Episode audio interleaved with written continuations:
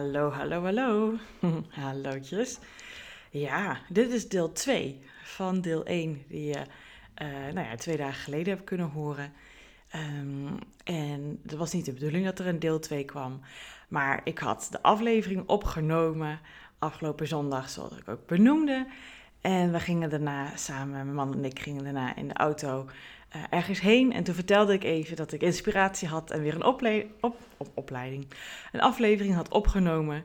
En uh, nou ja, dat was wel grappig, want er kwam een mooi gesprek daarna er ook uit. Waardoor ik dacht, oh, maar dat had ik ook nog kunnen zeggen. En oh, dat was ook nog mooi. Uh, en hij bevestigde ook ja, wat ik benoemde in de, in de aflevering. En um, ja, benoemde ook nog een aantal punten erbij. Dus ik denk, huppakee, deel 2. Dus bij deze. Um, hè, want in deel 1, dus ik zou die eerst gaan luisteren, maar even een korte samenvatting, gaat het vooral dat ik heel vaak merk dat mensen, als zij niet zo goed weten wat te doen, uh, heel vaak op de wat gaan richten. Wat moet ik doen? Wat moet ik ondernemen? Welke stap moet ik zetten? En ik zeg uh, in de aflevering hiervoor dat de wat zeker belangrijk is maar dat de nadruk op de hoe bijna vergeten wordt. Hoe wil je het gaan doen? Op welke manier? En door het gesprek wat ik met mijn man erover had, kwam die hoe ook, werd hij iets um, concreter. Want dat was nog het enige wat ik als van nasleepje had van, van deel 1. Um, ehm, ja, mijn gevoel zit er helemaal in. Ik begrijp zelf helemaal wat ik bedoel met dat je meer op de hoe moet focussen dan op de wat. Maar het, het is nog een beetje abstract wellicht. Ik weet ook niet hoe dat op ook bij jou overkwam. Misschien denk jij, nou, dit is echt helemaal helder hoor. Uh, dus daar ben ik even benieuwd naar. Maar omdat ik nieuwe ideeën kreeg, dacht ik, nou, heb deel 2. Um, ehm, want de wat gaat dus over de welke stap je gaat zetten. Wat is mijn volgende stap? Wat moet ik gaan doen? Welke baan? Um, oh, sorry, ik moet even mijn filtertje vergroenen. Welke baan uh, moet, ik gaan, moet ik gaan nemen? Uh, wat moet ik doen om die baan te krijgen? Uh, misschien ook welke hulp ik ga instel, in, um, inschakelen, inzetten voor mezelf. Um, wat voor gesprek moet ik voeren met mijn leidinggevende? Wat moet ik zeggen als iemand vraagt naar mijn kwaliteiten? Wat moet ik zeggen als ze vragen naar waarom ben ik de persoon voor deze baan? Um, dat zijn allemaal wat-vragen.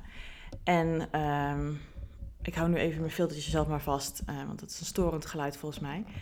Uh, daar moet ik nog even goed naar kijken. Maar dat gaan we niet in de weg laten zitten. Ik zeg, richt je meer op de hoe. Hoe ga je het aanvliegen? Hoe ga je het oppakken? Welk gevoel heb je erbij? Op welke manier ga je het doen? Dat is de hoe. En ja, dit, dit, ik benoemde in de vorige aflevering ook hoe ik mijn werk doe. Dat de dingen die ik inzet, welke microfoon ik nu ook gebruik bij deze podcast opnemen, welke programma ik ook gebruik, dat zijn allemaal de wat dingen. Maar hoe ik dat doe, dat bepaalt heel erg het succes. Voor, en, dan is het afhankelijk hoe jij succes definieert. Voor mijn gevoel is succes um, dat het iets is wat je gevonden hebt waar je mee door wil gaan. Dat het iets is wat goed voor jou voelt. Dat je dus blij bent over wat je doet en ook hoe je het doet. Dat is voor mij succes. Um, soms kan je kiezen voor de wat. En je weet niet altijd welk gevoel je erbij hebt. Hè. Dat is soms wel eens lastig om dat te ja, voelen, realiseren, um, ja, binnenlaten.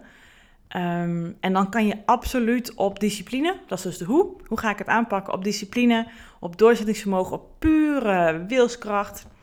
Uh, het, het gaan doen. Maar dat hou je gewoon niet lang vol. Dus de hoe is echt belangrijk hier.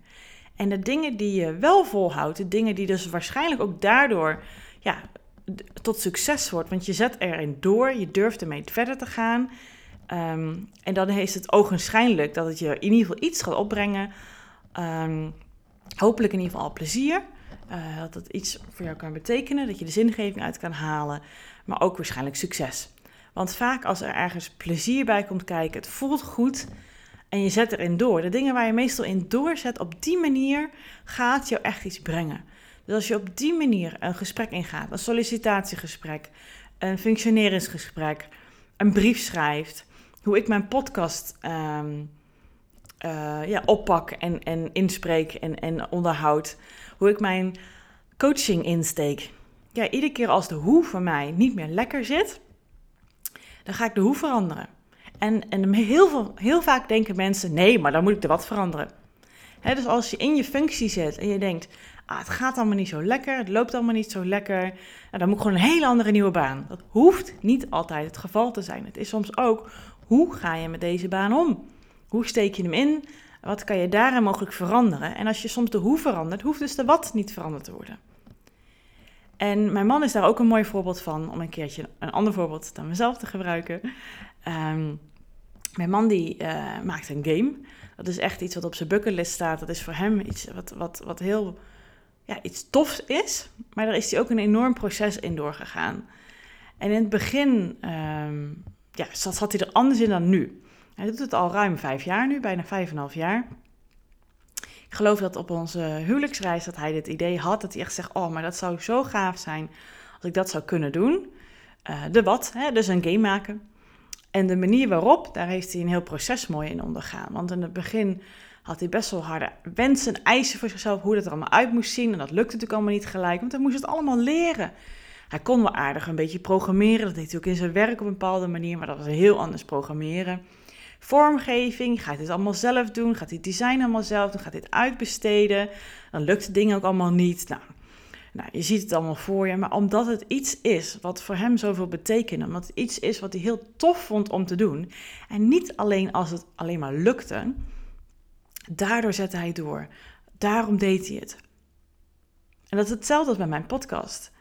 Ja, als het iets is wat ik alleen maar van mezelf moest, iets van buitenaf, wat ik dacht, oh ja, ik heb gehoord dat een podcast Ehm, hebben heel slim is, of voor zichtbaarheid, en in dit geval hoorbaarheid, um, ja, laten we dat maar gewoon doen. er zijn ondernemers, coaches die, die, die, die dat zeggen. Hey, je moet dit doen, je moet blog schrijven. Nou ja, ik heb het ook lang gedaan. Ik dacht, nou, ik moest gaan een blog schrijven. Kom ik hoog in Google. Maar de hoe, hoe ik die blog schreef, dat was echt dat ik echt, oh, ik moest hem eruit persen bij mezelf. Ik ben gewoon geen schrijver. Totdat ik een keer met Bas op vakantie een keer een gesprek had gehad van, oké, hoe willen we het insteken? Wat is de manier die bij mij heel erg past om dat te doen?